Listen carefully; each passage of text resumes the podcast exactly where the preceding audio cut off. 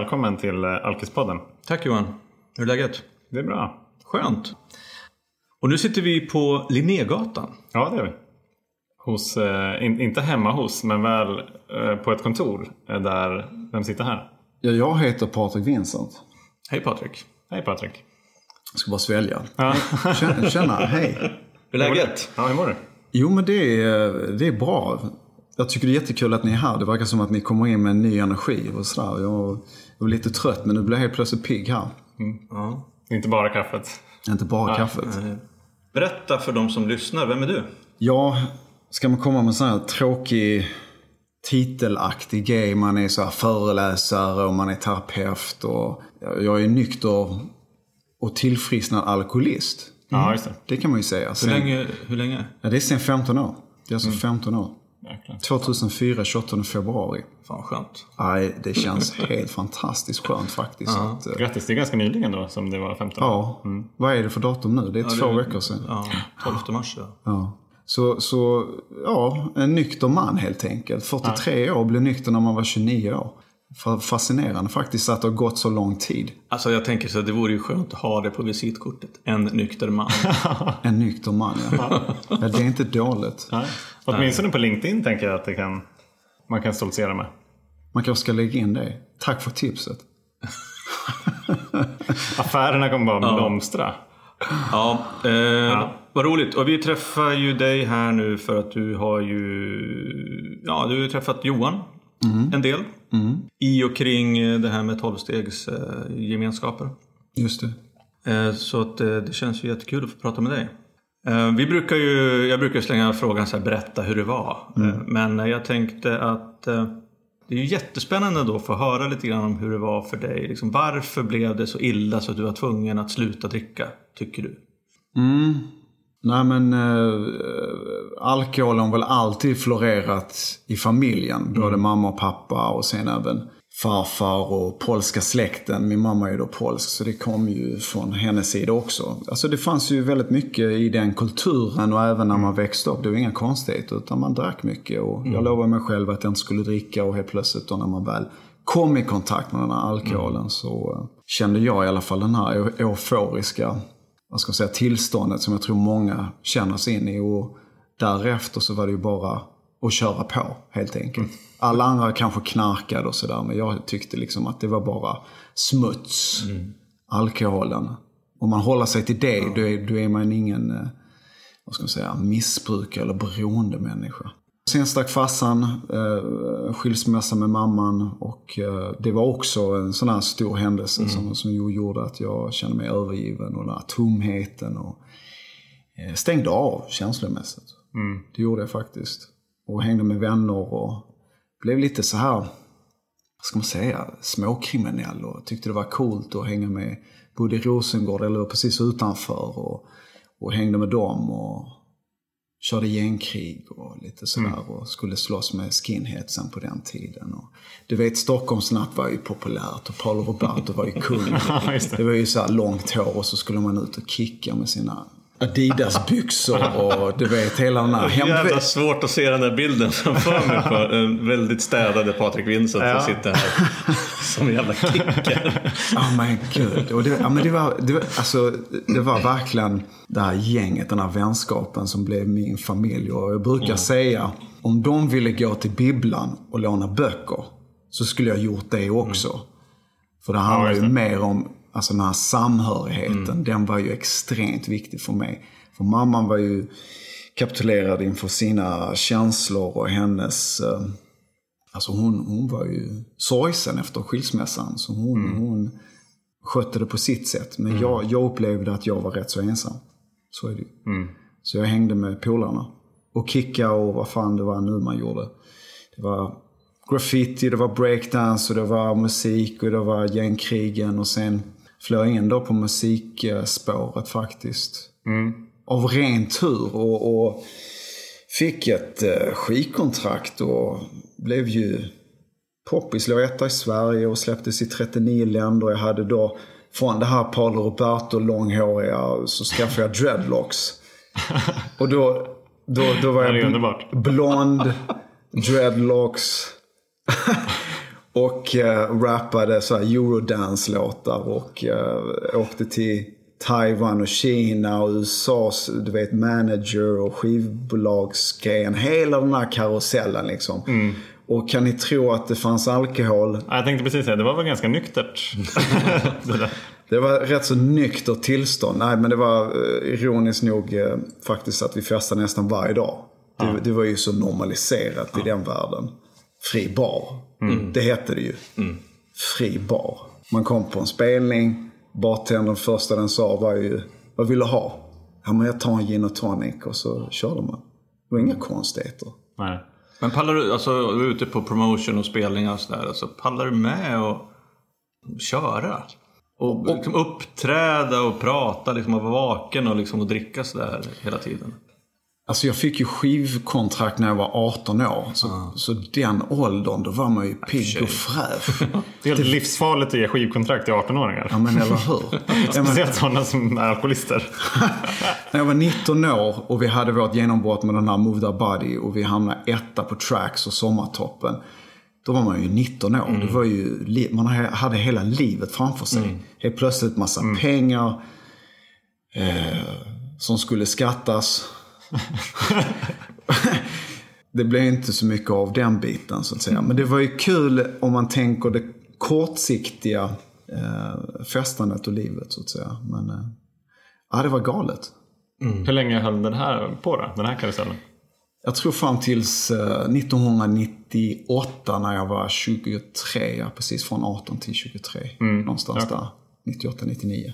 Och sen blev det strul. För Look Twice då som det här popbandet hette, vi var två killar. Mm. Uh, Look Twice, vi klädde så här coola kläder och så hiphop hoodies med mm. massa färgglada, orangea, gula. Det var som Chris Cross lite mm. grann. Fast vi hade inte byxorna. Ja, vi hade dem på rätt sida. Ungdomar, ni får googla det här. Exakt. Uh, och uh, ja, han började strula min, min partner då i bandet och uh, dök inte upp på spelningar och vi skulle mm. skaffa en ny kille in och du vet allting bara rann ut i sandet. Och på den tiden så var det faktiskt nära att Dennis Pop, uh, killar, mm. Uh, små killar och tjejer, ni får googla för er som inte vet. Men Dennis Pop var en av de största i, i världen mm. faktiskt.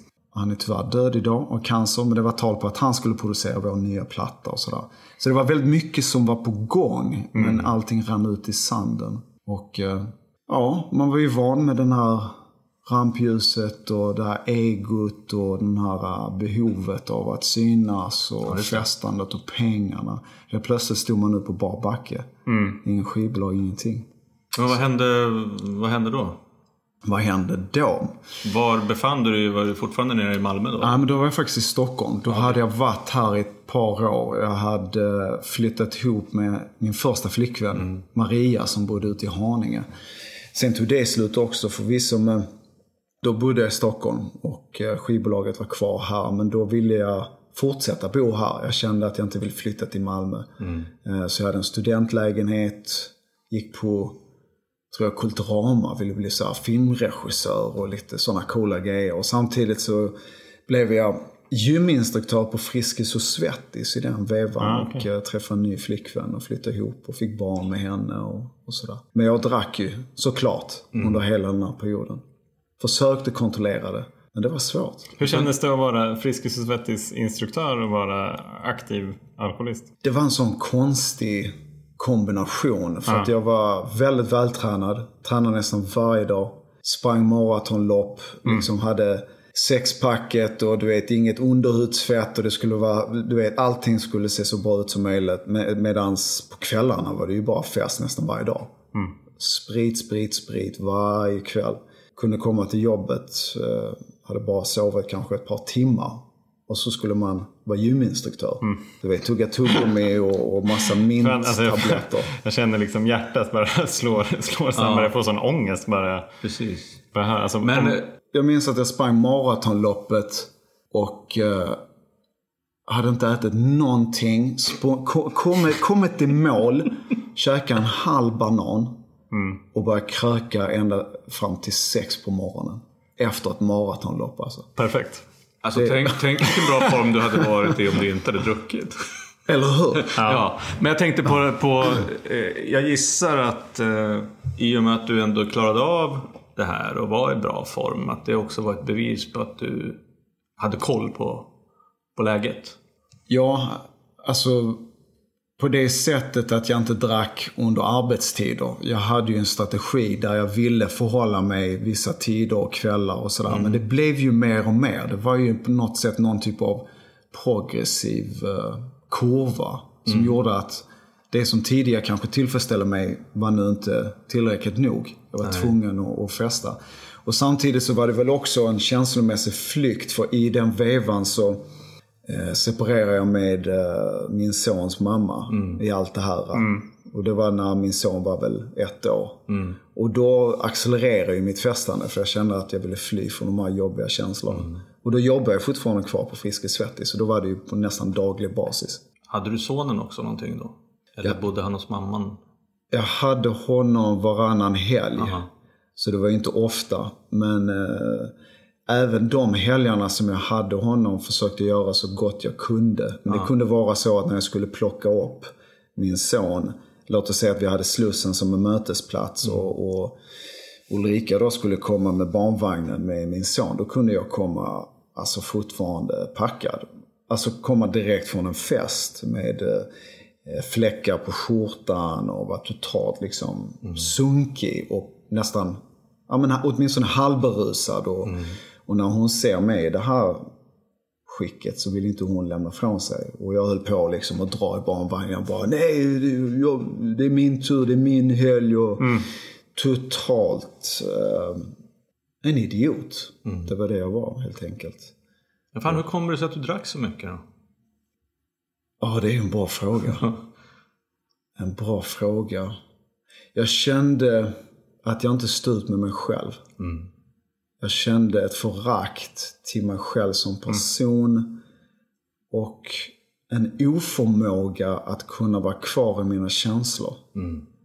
Alltså, jag, alltså jag kunde inte. Det bara, Hur känns det? Att inte kunna vara kvar?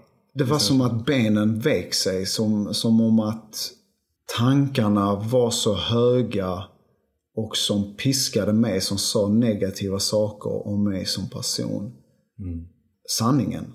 Mm. alltså den sa ju sanningen till mig mm. med kanske en väldigt ännu högre volym. Som jag verkligen inte kunde tolerera. Jag, jag klarade inte av rösterna. Men vad var det för sanning som du inte ville höra då? Ja, men att jag var en, en, en, en eh, ansvarslös pappa. Mm. En taskig pojkvän. En, en människa som inte kunde klara av vanliga saker. Mm. Betala hyran, kunde inte skaffa en lägenhet, kunde inte... Mm. Kunde, alltså som var egocentrisk och som var självisk. Mm. Det var ju det jag hade varit. Mm. Och i ett nyktert tillstånd så, så ville jag inte höra det. Jag ville inte veta den sanningen. Så därför kände jag att jag var tvungen att dränka mig i, i alkohol. Mm. För att bara få bort de här rösterna, få bort den här känslan av att eh, benen viker sig eller trycket i bröstet. Mm. Jag tänker på, för det är ju väldigt intressant tycker jag att eh, jag tittar på min egen, mitt eget liv till exempel. Att, ja, men jag festade mycket som ung. Sen så träffade jag min exfru när jag var 21. Sen fick vi barn och då så orkade inte festa så mycket och sen så, sen så blev det värre och värre på slutet. Och sen när jag var 40 så mm. gick, slog jag i botten. Liksom. Just det att livet kan gå upp och ner och de här tankarna som du säger. Och jag funderar på bara, i och med att du lyckades får man väl säga, med ditt liv när du var 18 då och fick skivkontrakt och fick åka runt. Liksom. Hur Hade du ändå de här tankarna eller känslorna om dig själv även fast du lyckades på ytan? Eller kom de sen efter det blev tomt? Liksom? Wow, ja det är en intressant eh, fråga. Och det som kom upp till mig när, när du säger det är ju att jag alltid ändå haft en mm. känsla av att behöva prestera någonting betydligt mycket mer än de andra bara för att känna mig jämbördig. Liksom mm. bara känna mig mm. att jag är likvärdig som mina vänner eller mina mm. uh, människor som, som befann sig runt omkring mig. Uh, jag var alltid tvungen att vara den bästa eller synas och höras. Och, och, och jag tänker, musiken gjorde ju mig känd då. Och jag ville göra mina föräldrar stolta. Och det gav mig någon typ av värde. Men när det försvann så var det ingenting som höll upp mig. Utan då kom nästan den här sanningen. Utan det var på något sätt egot som behövde tillfredsställas för att eh, jag skulle överhuvudtaget bara känna mig okej. Vad var det som hände då? Ja, alltså. Alkoholen blev min lösning. Länge, även när jag var tillsammans med Ulrika och efter när vi separerade så, så hjälpte det mig tillfälligt att åtminstone fly från de här jobbiga känslorna. Och eh, jag höll på väldigt mycket, eller jag kanske höll på ett år till. Och sen märkte jag att det funkar inte. Utan jag hamnade på en klubb. Jag hade en sju timmars minneslucka. Vaknade på någon fest, någon lägenhet, sju på morgonen. Hade ingen aning om var jag var någonstans. Såg mig omkring, såg en massa människor, kände inte en enda. Fick en sån ångest att, eh, att jag inte minns något. Jag visste inte vad jag hade varit, vad jag gjort. Jag hade ont i benen, jag kanske hade några blåmärken tror jag också. Kanske hade varit i slagsmål, who knows. Och så sitter jag i tunnelbanan och känner, jag vill inte leva.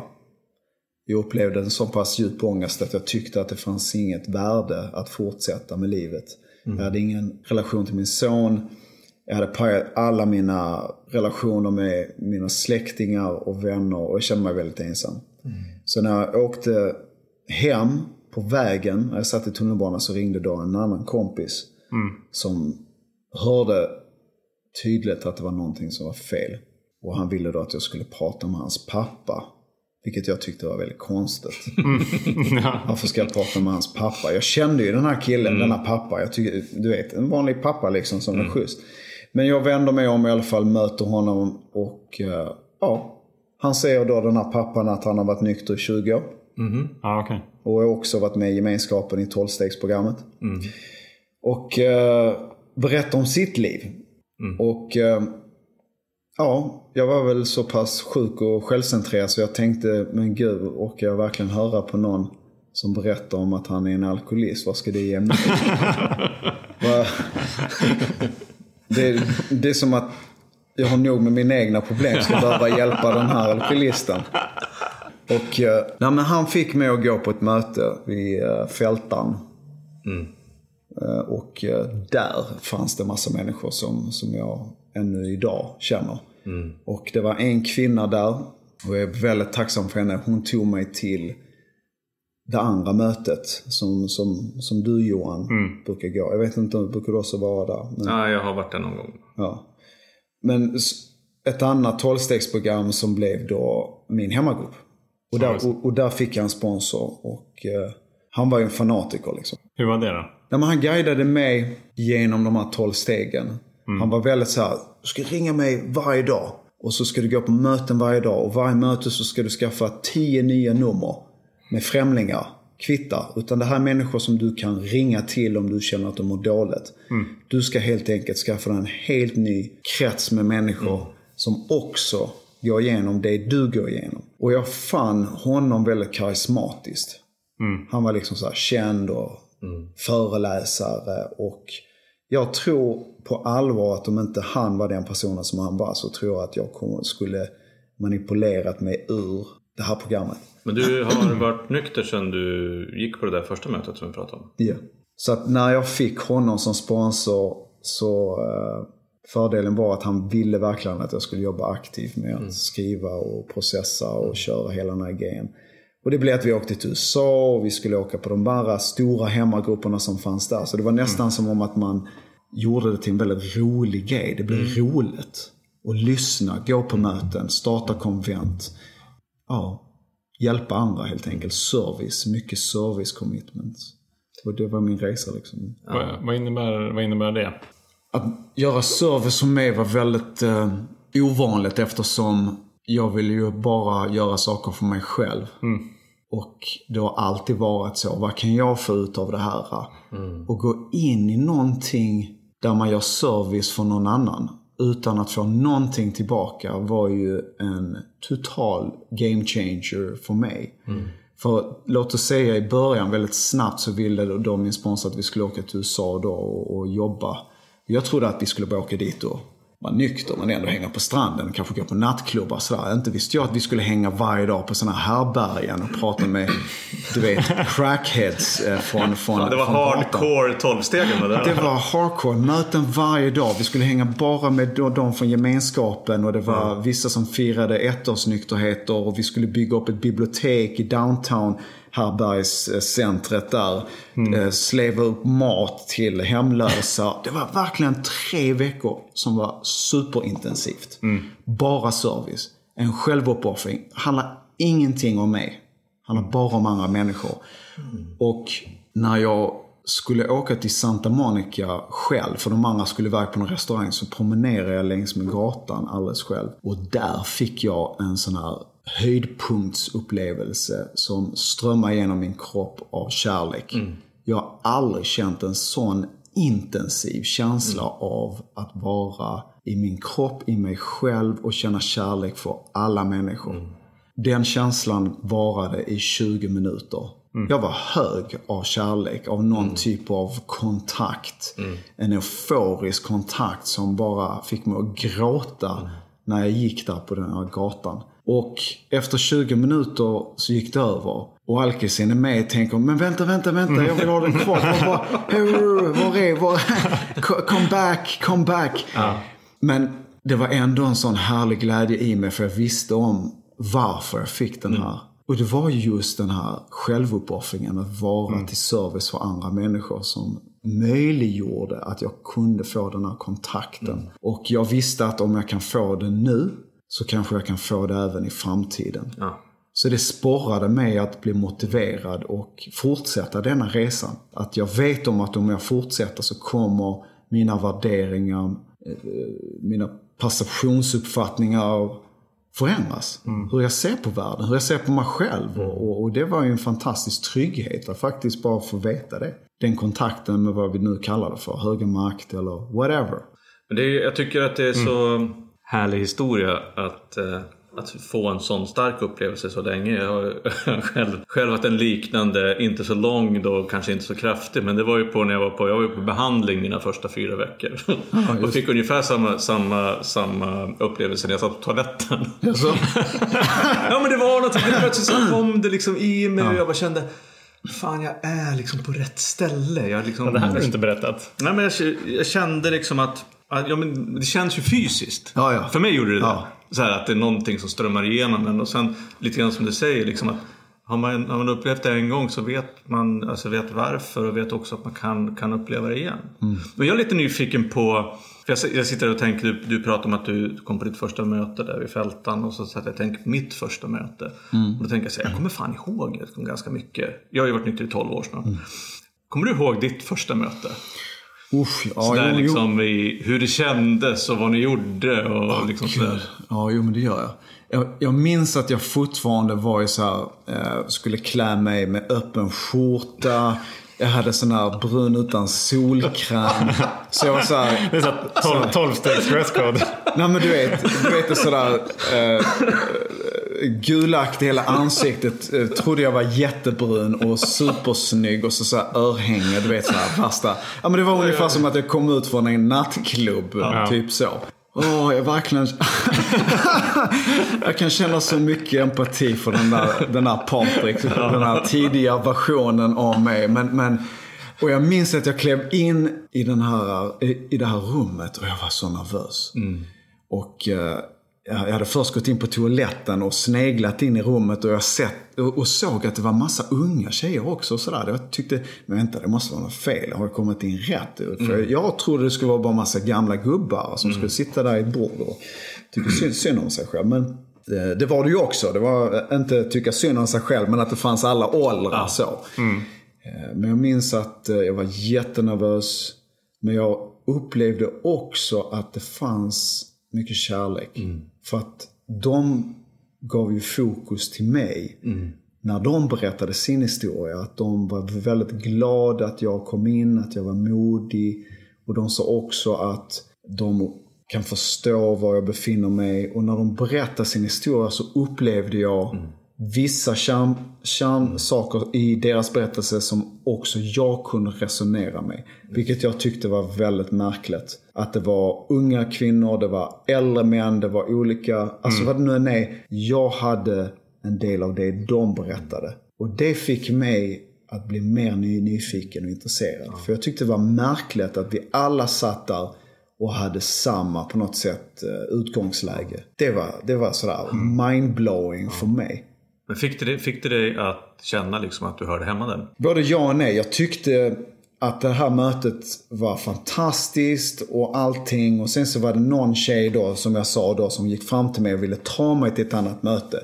Och jag var jätteglad. Jag tänkte wow, den här snygga tjejen. Hon, hon, hon vill ju ha mig liksom. Det är klart jag hänger med på det andra mötet. Så det var väl lite tvåsidigt. Jag, Ja. jag ville gå på mötet men det kanske fanns också någon typ av intresse av att kanske dejta henne eller vad det nu var. Men när jag väl kom till det andra mötet då bara släppte hon mig. Hon fattade ju precis.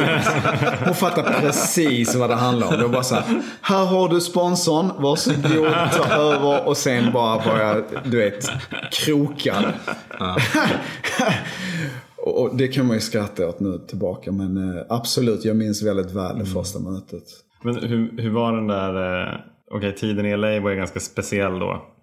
Hur var det sen att komma hem då efter det? Du fortsatte jobba i programmet och gjorde service.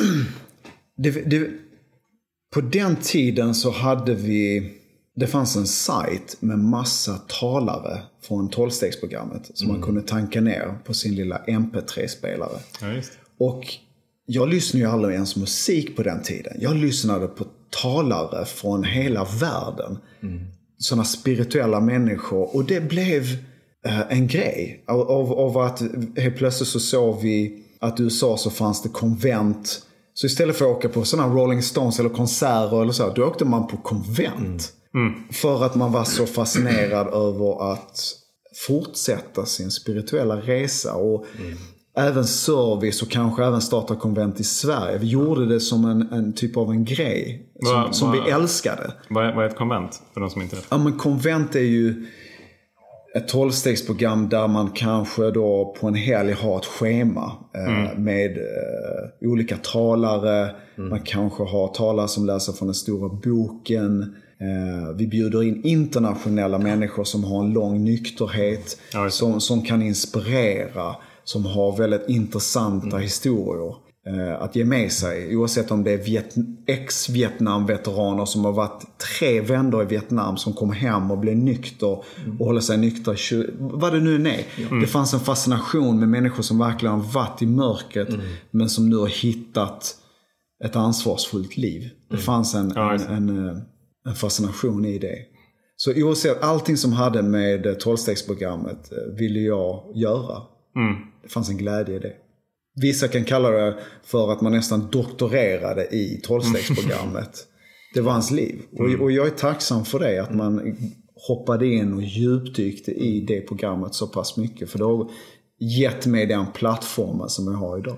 Jag, jag, jag håller med dig om det här med djupdykningen. Jag tänker att för mig har det varit så här att alltså när jag var nynykter så... Vi har ju pratat om rädslan när vi slutade dricka. Om att nu kommer livet att bli tråkigt. Innan man började jobba i tolvstegsprogram och innan man kanske lärde känna människor i tolvstegsgemenskapen.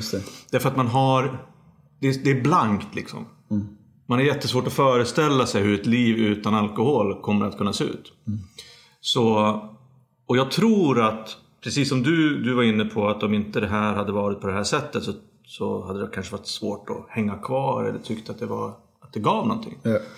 Och jag känner igen mig väldigt mycket för att jag jag tror inte att det här tolvstegsgemenskapen och programmet fastnade riktigt i mig förrän jag började lite motvilligt men jag började ändå umgås med nya nyktra tillfrisknande vänner. Och fick fler och fler och fler genom min sponsor.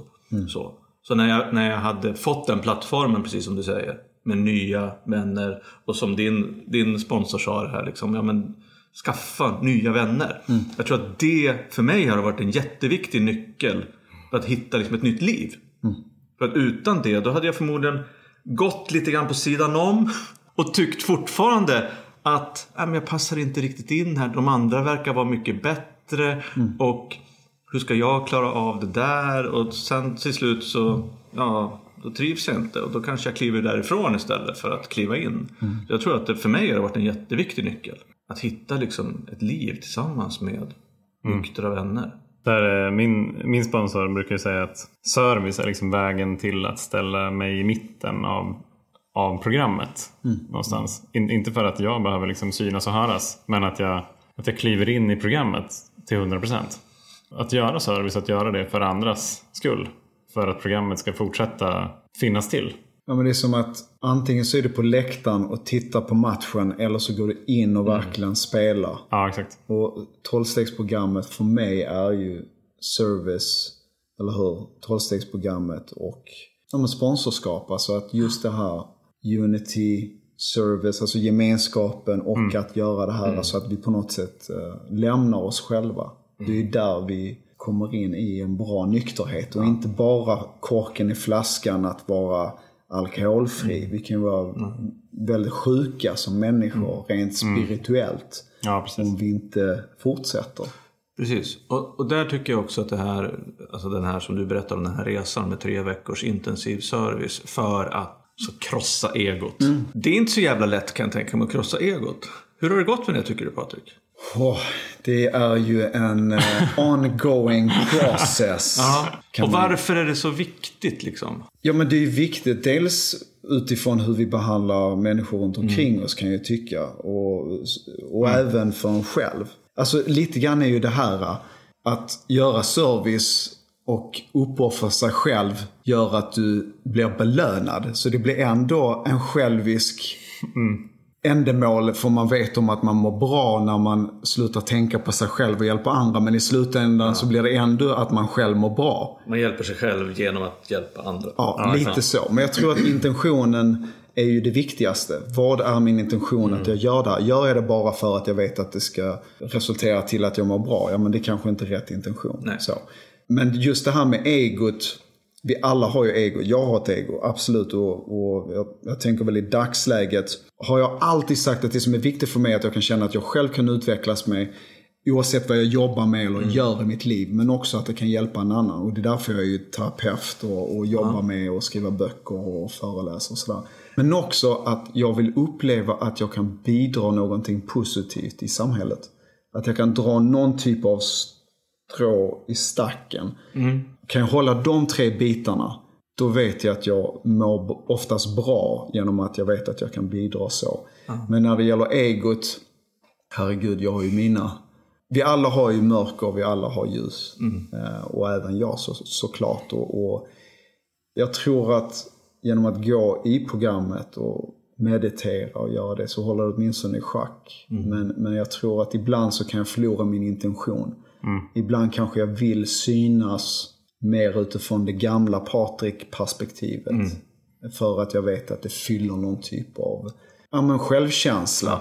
Som är kanske av fel orsak. Men den är där. Precis, och jag, och jag, tänker, jag känner igen mig väldigt mycket i det och jag får jobba väldigt hårt tycker jag. Bland annat har som morgonrutiner och be om att inte vara mm. självisk till exempel. Mm. Men eh, jag inbillar mig att det kan vara så att om man lyssnar på det här och inte är alkoholist så kanske man tänker att ja, men alla människor är väl själviska. Ja, så kanske det är, men för oss som är alkoholister så kan det vara farligt att bli mm. så självcentrerad. Därför att då, då riskerar ju vi att ramla ner liksom i något jävla hål och sen så tar, vi till en flaska förr eller senare. Så det är därför vi pratar om det. Det är därför jag tycker också att vi är så glada om att du pratar så mycket om att, att just det där att göra service, att hjälpa sig själv genom att hjälpa andra. Därför att jag har också upptäckt i min nykterhet, i mitt tillfrisknande, att det blir en väldigt stor skillnad på mig, tycker jag själv också, när jag fokuserar på andra människor. Mm. Än när jag bara är i mig själv och tänker på det jag vill ha. Mm. Och blir grinig när saker och ting inte mm. blir som jag har tänkt mig eller inte tänkt mig. Mm. Så, att, så att jag tycker det där är jättespännande. Då, då tänker jag så här att om vi säger fulla Patrik Mm. Hade fått höra då, där, några veckor innan den här kvällen och de här blåmärkena att ja, men du kommer få ett bra liv. Och ditt liv kommer bli bra därför att du kommer att kunna lämna dig själv och hjälpa andra människor. Och liksom göra service och titta utåt istället för att fokusera på dig själv. Vad hade han, vad hade han tänkt då tror du? Usch, ja. Den här fulla Patrik skulle ju nog bara skrattat. Ja. eh, den eh, andliga Patrik i ansiktet, verkligen. Den skulle inte förstått. Nej. Nej. Den skulle kanske inte vilja förstå. Det kanske någonstans där under ändå kanske fattar Ja. sanningen. Men kommer definitivt att maskera det genom att skratta bort det. Och eh, inte vilja se sanningen. Jag, kan- jag kan ju tycka liksom en, en grej som jag reflekterar över under samtalet nu det är att, att den här själviskheten som jag hade förut, som jag fortfarande kan ha kvar. Det är att den, så här, ja, jag, kan, jag kan tänka rätt mycket på mig själv. Men jag vet ju inte vad jag behöver för att må bra. Jag tror att jag vet att det är att få en massa bekräftelse och stå i centrum och så vidare och kunna kontrollera och så. Det har liksom varit mina, mina grejer. Men, men jag mår ju inte bra av det. Alltså, även fast jag får det så, så, så uppfyller det inte sitt syfte. Hur kommer det sig att det är så svårt? Det låter ju väldigt enkelt att göra kanske dagligen saker som är självuppoffrande. Som inte ska behöva generera någon typ av eh, återkoppling eller någon typ av vinst. Ja, eller bekräftelse. Eller bekräftelse. Att på något sätt påminna sig. Vi vet ju att det kommer ge resultat. Men ändå så gör man inte det varje dag, tänker jag. jag. Jag vill ju försöka påminna mig själv. Jag tänker att jag blir glad varje gång jag får tillfälle. Och det kan faktiskt vara, jag ser en, eh, en, en tant som eh, försöker ta sin rollator upp för trappan vid sidan. För att hissen är stängd eller vad det är. När jag får göra det. Då säger jag så här, ursäkta mig, kan jag få hjälpa till? Kan jag få dra den här åt dig? Och när jag kommer upp och lämnar henne och jag ser ett leende på henne. Då kan jag gå därifrån med en känsla som är fylld av kärlek. Att, alltså den lilla händelsen eller hålla upp en dörr. Det finns ju sådana små saker som kan göra, åtminstone för mig, att jag kan förändra mitt perspektiv på hur jag ser på saker och ting. Men där, det är ju ett annat intressant faktiskt perspektiv som är jag har fortfarande rätt svårt att be om hjälp. Det, det är någonting som jag har behövt lära mig i programmet. Jag hatar känslan av att vara till besvär, att någon ska göra någonting för mig. Men jag vet ju samtidigt att när jag får hjälpa någon, då mår jag jättebra av det. Så jag har liksom lärt mig nu under senaste halvåret att när jag ber om hjälp, då gör jag någon en tjänst. För att, för att den personen då får ju möjlighet att hjälpa Just det. och, och komma ur sig själv. Så att så här, men det är fortfarande, det, det sitter liksom hårt i. Att nej men det är lugnt, jag ska klara det här själv. Det bara, men hallå, det, det, är- det är en win-win. Be om hjälp. Ja, intressant. Ja men det, det är ju det. Och även, jag har inte varit nykter lika länge som er dinosaurier tänkte jag säga. Men, eh, men, men tre år. Eh, Men, men ändå så är det, det är fan svårt. Det är skitsvårt. Det är ju svårt och, och jag menar, jag brukar ju tjata, jag tjatar om det igen, men jag tänker så här, precis det som du är inne varför, varför gör man inte det här? Men jag tänker så här att jag har ju, jag kommer från fabriker med ganska taskiga fabriksinställningar. Okej. Så att jag måste använda andlighet och programmet för att liksom skruva upp nivåerna på massa saker. Medkänsla och ansvar, andlighet, spirit, alltså att vara liksom en skön människa. För att så fort jag inte tittar på de där reglagen, då börjar de liksom gå tillbaka. Ner i botten. så att jag måste hela tiden hålla på och vrida upp dem. Nej, men du, du, du har en poäng där. Det, är- det är verkligen en, en eh, daglig vad ska jag säga, form. Eh, Och Clancy som är då en, också en stor gigant inom det här tolvstegsprogrammet. Han brukar alltid säga skit i hur du mår eller hur du känner dig utan bara gör det. Om du bara gör det så kommer det hända saker. Det behöver inte finnas någon typ av känslotillstånd som resulterar till att du gör det. Utan gör det här så kommer ditt liv att fungera. Och för oss så tror jag i alla fall att det är så. Vi måste på något sätt ha någon typ av rutiner för att hålla det här spirituella i schack. För vi har en skugga bakom oss som gärna vill hinna ikapp och jag tror att det är viktigt att man är medveten om det. Precis som insulinsprutan för en diabetiker. Eh, Ja, det. det finns många i programmet som är väldigt spirituella. Som gör jobbet. Men det finns inget gratisarbete. Utan det här är någonting som behöver vara pågående. Och jag tror verkligen det. Det finns ingen uh, luta sig tillbaka och tro att allting ska lösa sig. Hur gör du för att fortsätta göra det här då efter 15 år? När jag gjorde tolvstegsprogrammet så var det ju väldigt intensivt då, många år. Och samtidigt så var det väldigt mycket fokus på gottgörelserna. Det vill säga gottgöra människor, gå tillbaka till de som man har skadat känslomässigt, kanske ekonomiskt och vad det nu än är. Och verkligen beta av den listan. Och det var många. Men det var också som att en sten efter en sten lättades från min, min ryggsäck. Där jag kunde känna mig mer fri. Och där fanns det också vissa euforiska känslor som, som, som dök upp där. Men just att det var det första steget. När jag hade gjort det så ville jag ge tillbaka till andra genom att skaffa sponsier. Men jag blev också väldigt nyfiken på meditation. Eh, mediterade i Indien, åkte till kursgårdar och var nyfiken och experimenterade. Och det är viktigt att säga att jag gjorde alltid det här längst med tolvstegsprogrammet. Aldrig istället för. Nej, Så alltid längst med, aldrig istället för. För då kände jag att jag kunde göra det. Men samtidigt hålla det i schack. Och, och det gav mig nya dimensioner. Samtidigt som jag då gick den här samtalsterapeututbildningen i fyra år. Så fick jag nästan nya nivåer att kunna känna in känslor. Att kunna vara mer trygg i mig själv. Som jag kanske inte upplevde att tolvstegsprogrammet fullt ut gav, gav mig. Den kombinationen har varit bra för mig. Både meditera, fortfarande ha det spirituella i programmet. Liksom att ha en daglig rutin att be varje kväll och meditera varje mor- morgon. Förbereda mig inför dagen att kunna fundera över vad jag är tacksam över. Tacksamhet är ju någonting som jag antar vi alla känner. Framförallt jag kan uppleva tacksamhet är ett nyckelord för mig. Att, att påminna mig om vad jag har idag.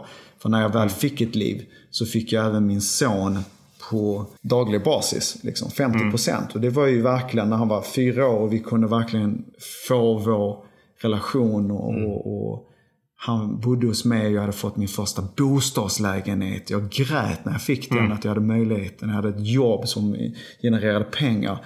Jag tog honom till pingisen, satt och läste böcker för honom på kvällarna. Du vet det här vardagliga som jag hade velat ha men jag hade inte trott att jag hade kunnat. För att jag hade legat så lågt ner i botten. Det var fantastiskt för mig. Alltså att kunna gå in i den Svenssonlivet, om vi nu ska kalla det för det. Liksom. Svensson. Jag ville vara en Svensson. Jag ville betala hyran. Köpa tandkräm och gå till Coop och storhandla. Tänk om du hade sagt det till, eh, till eh, full, full Patrik. Uff, full. Ja, du, han skulle ju tuppat av alltså. Ja. Men det, det är också en sån rolig, rolig, rolig paradox i, i tillfrisknandet. Just det där att den, många alkoholister som jag har träffat vittnar om samma sak. Att man antingen är man bäst i rummet eller så känner man sig sämst i rummet. Ja. Men just det där att vara bara en i mängden för en alkis. Det, är liksom, det är nästan omöjligt. Det, det är verkligen Och, omöjligt. just, och det, det är just därför liksom just att, att faktiskt då komma till att vara en Svensson och göra normala grejer som inte sticker ut. Att det är en stor framgång för en alkoholist. och Eh, det vilja låter göra ju, ja, precis, och vilja liksom acceptera det. Jag behöver inte mer så här. Eller jag behöver inte stå ut eller bara vara bäst eller sämst. Det är ju också någonting som är svårt att kanske fatta för, för människor som inte har till, eller som är tillfrisknande. Och, det, och en, en annan grej som jag tänker också att många av de grejerna som vi har pratat om nu, alltså som handlar om tillfrisknande, jag tycker det är jätteroligt att prata om tillfrisknande mer än gamla krigshistorier. Det kan man prata om hela Ja. flera timmar. Men äh, just det där att om jag, och jag tror vi har pratat om Fylle-Patrik här och jag tror även gamla Johan, men om jag hade hört oss tre sitta och jiddra om de här grejerna när jag fortfarande drack. Då hade jag tänkt, vilka jävla idioter. Alltså innan jag, innan jag, hade, innan jag var redo för att söka hjälp. Ja. När jag fortfarande drack och var i, förnekelse. För jag, liksom, jag visste inte att det fanns. Och hade jag vetat så hade jag inte trott på det. Och hade tänkt att ett liv där man tycker att storhandla på Coop och få hjälpa andra människor. Att det liksom ska trumfa det här härliga livet som jag har nu med min sprit. Just det, där grä- gränslösa, nästan Wolf of Wall Street, du vet den här scenen i flygplanet. Ja, ja, ja. Förstår ni, när jag såg den scenen, då, då var det som att jag bara, oh yeah. Åh, du vet, de fångade den galen, alltså det galenskapet perfekt. Ja, exakt. Det var som att jag flöt tillbaka när jag såg den filmen. Så att eh, absolut, så är det ju. Det, det där gränslösa, när man var i det skulle man inte kunna tänka sig att leva det här Svensson-livet. Men däremot när man befinner sig på andra sidan, som vi alla gör ju idag, framförallt jag, så är jag så tacksam att inte behöva gå ut på en lördagkväll. Att jag faktiskt går hem och lägger mig vid tio. Och vaknar sju på morgonen. Ja. Bara en sån grej. Sticker ut och springer en timme. Medan hela stan nästan fortfarande sover. Inget- Eller, eller stapplar hem. eller stapplar hem. Jag, menar, jag har ju fortfarande fyllepolare som dricker mycket alkohol och är med i så här olika Facebookgrupper. Och så hör jag hur de är bakis liksom på söndag morgon och de sticker iväg och köper pizzan och allt det där. Och det är också en tacksamhet. Jag är glad att det är inte jag. Jag vill inte ha det. Ja, exakt. Jag, jag hade jättesvårt i början av nykterheten att förstå eh, de som sa att idag behöver jag inte dricka. Just det. Men idag fattar jag det. Ja, Det är så jävla skönt att inte behöva dricka. Att slippa den där, eh, det där slaveriet som det faktiskt var. Slaveriet är ett, eh, ett bra ordval. För det var det. Vad heter det? Jag tänkte på en grej när, när Frågelådan? Du, när du, ja, precis. Vi, vi kom in på frågelådan. För att Aha. jag tänker på från förnekelse till förändring. Ja, just det. Eh, Men det, vi har fått en fråga här från eh, Sandra.Sandberg.5. Vad var det som utlöste ett nu får det vara nog hos Patrik? En specifik händelse, eh, till exempel rattfylleri eller bara ett nu har jag nått botten eller familj slash fru som tog avstånd eller lämnade? Ja, det var väl en kombination. eh, Men framförallt så den specifika händelsen var ju när, när jag satt där på tunnelbanan på väg hem. Och jag hade lämnat då den här eh, lägenheten och haft den här sex timmars minnesluckan.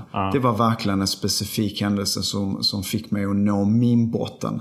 Jag ville inte leva, jag ville inte ha det så här.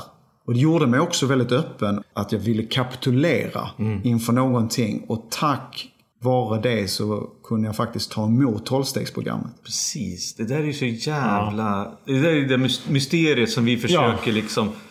Vad är det som händer när den här dörren eller fönstret öppnas? Den här villigheten liksom. Att nu, nu idag så är jag faktiskt... Nu kan jag ta emot hjälp. Men igår kunde jag inte. Och imorgon är det kanske för sent. Men just nu. Vi, vi har ju naturligtvis inget svar på vad det är som händer men En sårbarhet, för, mig var det väl att få- kontakt med en sårbarhet, skam, att jag inte ville ha det så här. En, en, en, eh, känsla av att vilja dö. Kanske också en kombination att, ja vadå, jag har inget att förlora. Låt mig testa då någonting. Hoppa in på något möte. Har vi några fler eh, frågor i lådan? Ja, men det har vi. Hur är det att vara nykter i, eh, i den här branschen, det vill säga mediebranschen? Det sägs att det florerar mycket alkohol och till och med droger där. Du menar tv-branschen eller? Ja, precis. eh, ja. Ska jag vara ärlig så har inte jag sett någonting. Och det kanske är av olika skäl. Eh, Dels så jobbar vi med ett produktionsbolag som är väldigt professionella. Och ett tv-format som är jätteprofessionellt. Det är Lyxfällan, alla som jobbar kring det. Så att jag har aldrig sett någon fylla överhuvudtaget så länge jag har varit i tv-branschen. Så det kanske har förändrats, vad vet jag. Men Sen hänger inte jag på de, så många fester heller som är anknutna till det. Jag får hem en hel del inbjudningar nu efter att ha blivit då programledare. Men jag vet inte, det lockar inte mig eh, att gå på sådana. För att jag finner glädje i mycket annat. Det kan ju hända att man går på en sån. Vad vet jag? Eh, ibland. Men väldigt, väldigt sällan. Så jag ser inte så mycket av det. Så jag, vet, jag, jag är faktiskt fel person att fråga. Men jag, men jag tänker det också att om jag kommer in i ett sammanhang idag efter mer än tio år som nykter. Då är det klart att man, man hamnar inte i samma, nej. samma sammanhang som man skulle ha gjort om man fortfarande var, var aktiv. Då skulle man ju kanske sökt upp. Just det.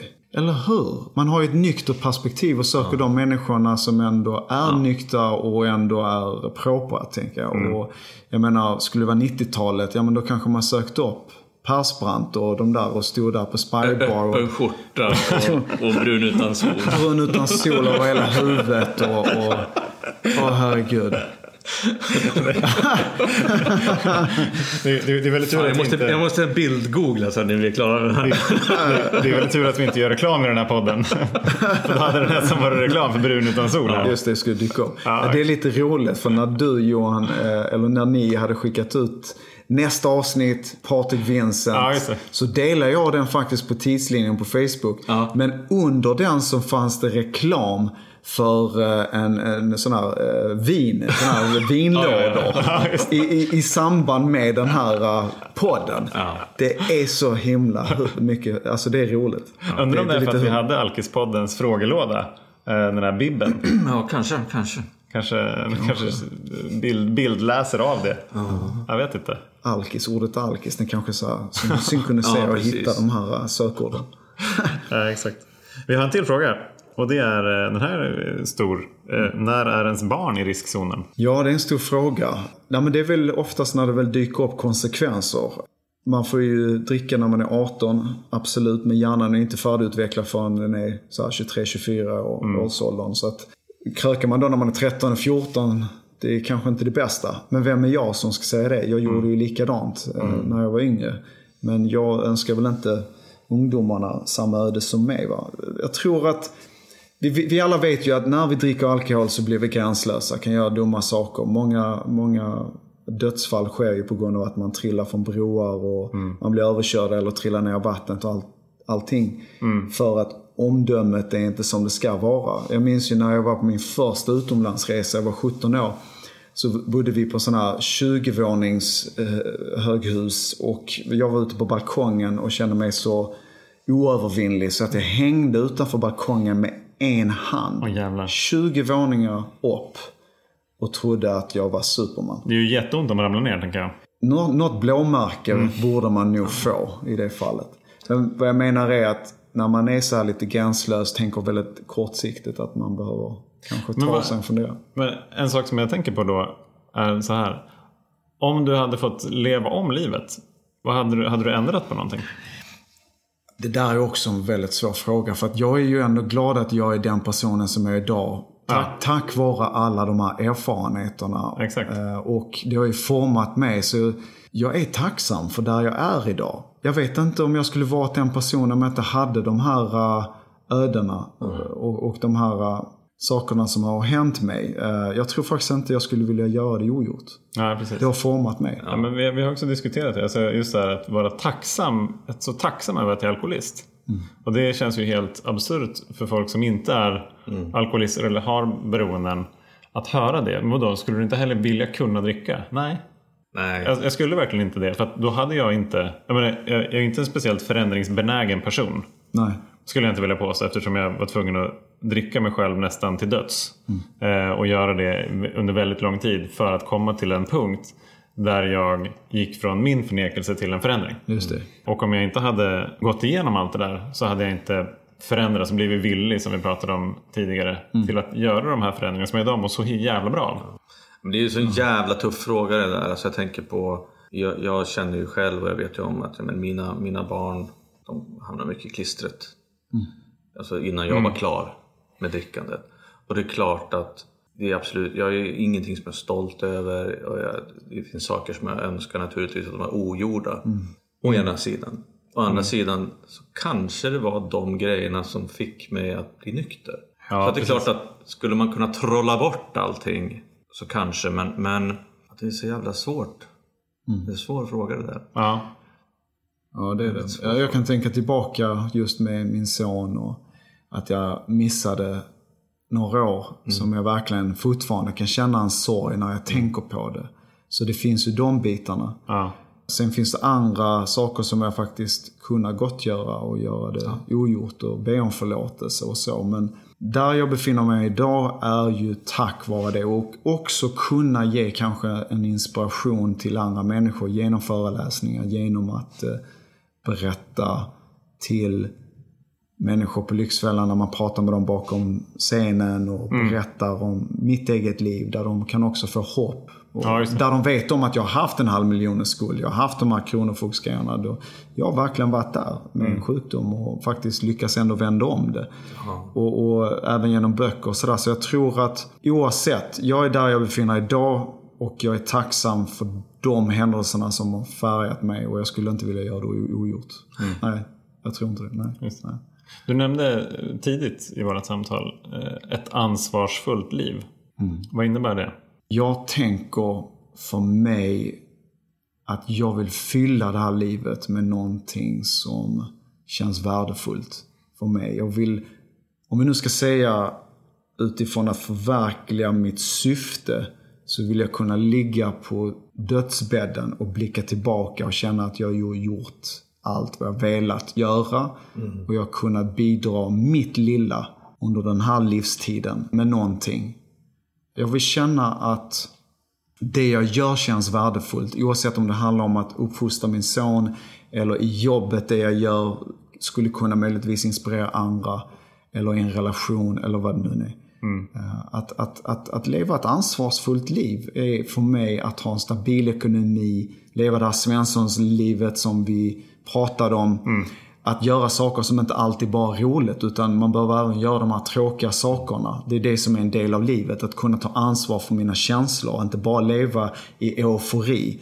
Utan även kunna hantera nedstämdhet. Mm. Att vara det, att känna att det är också en gåva.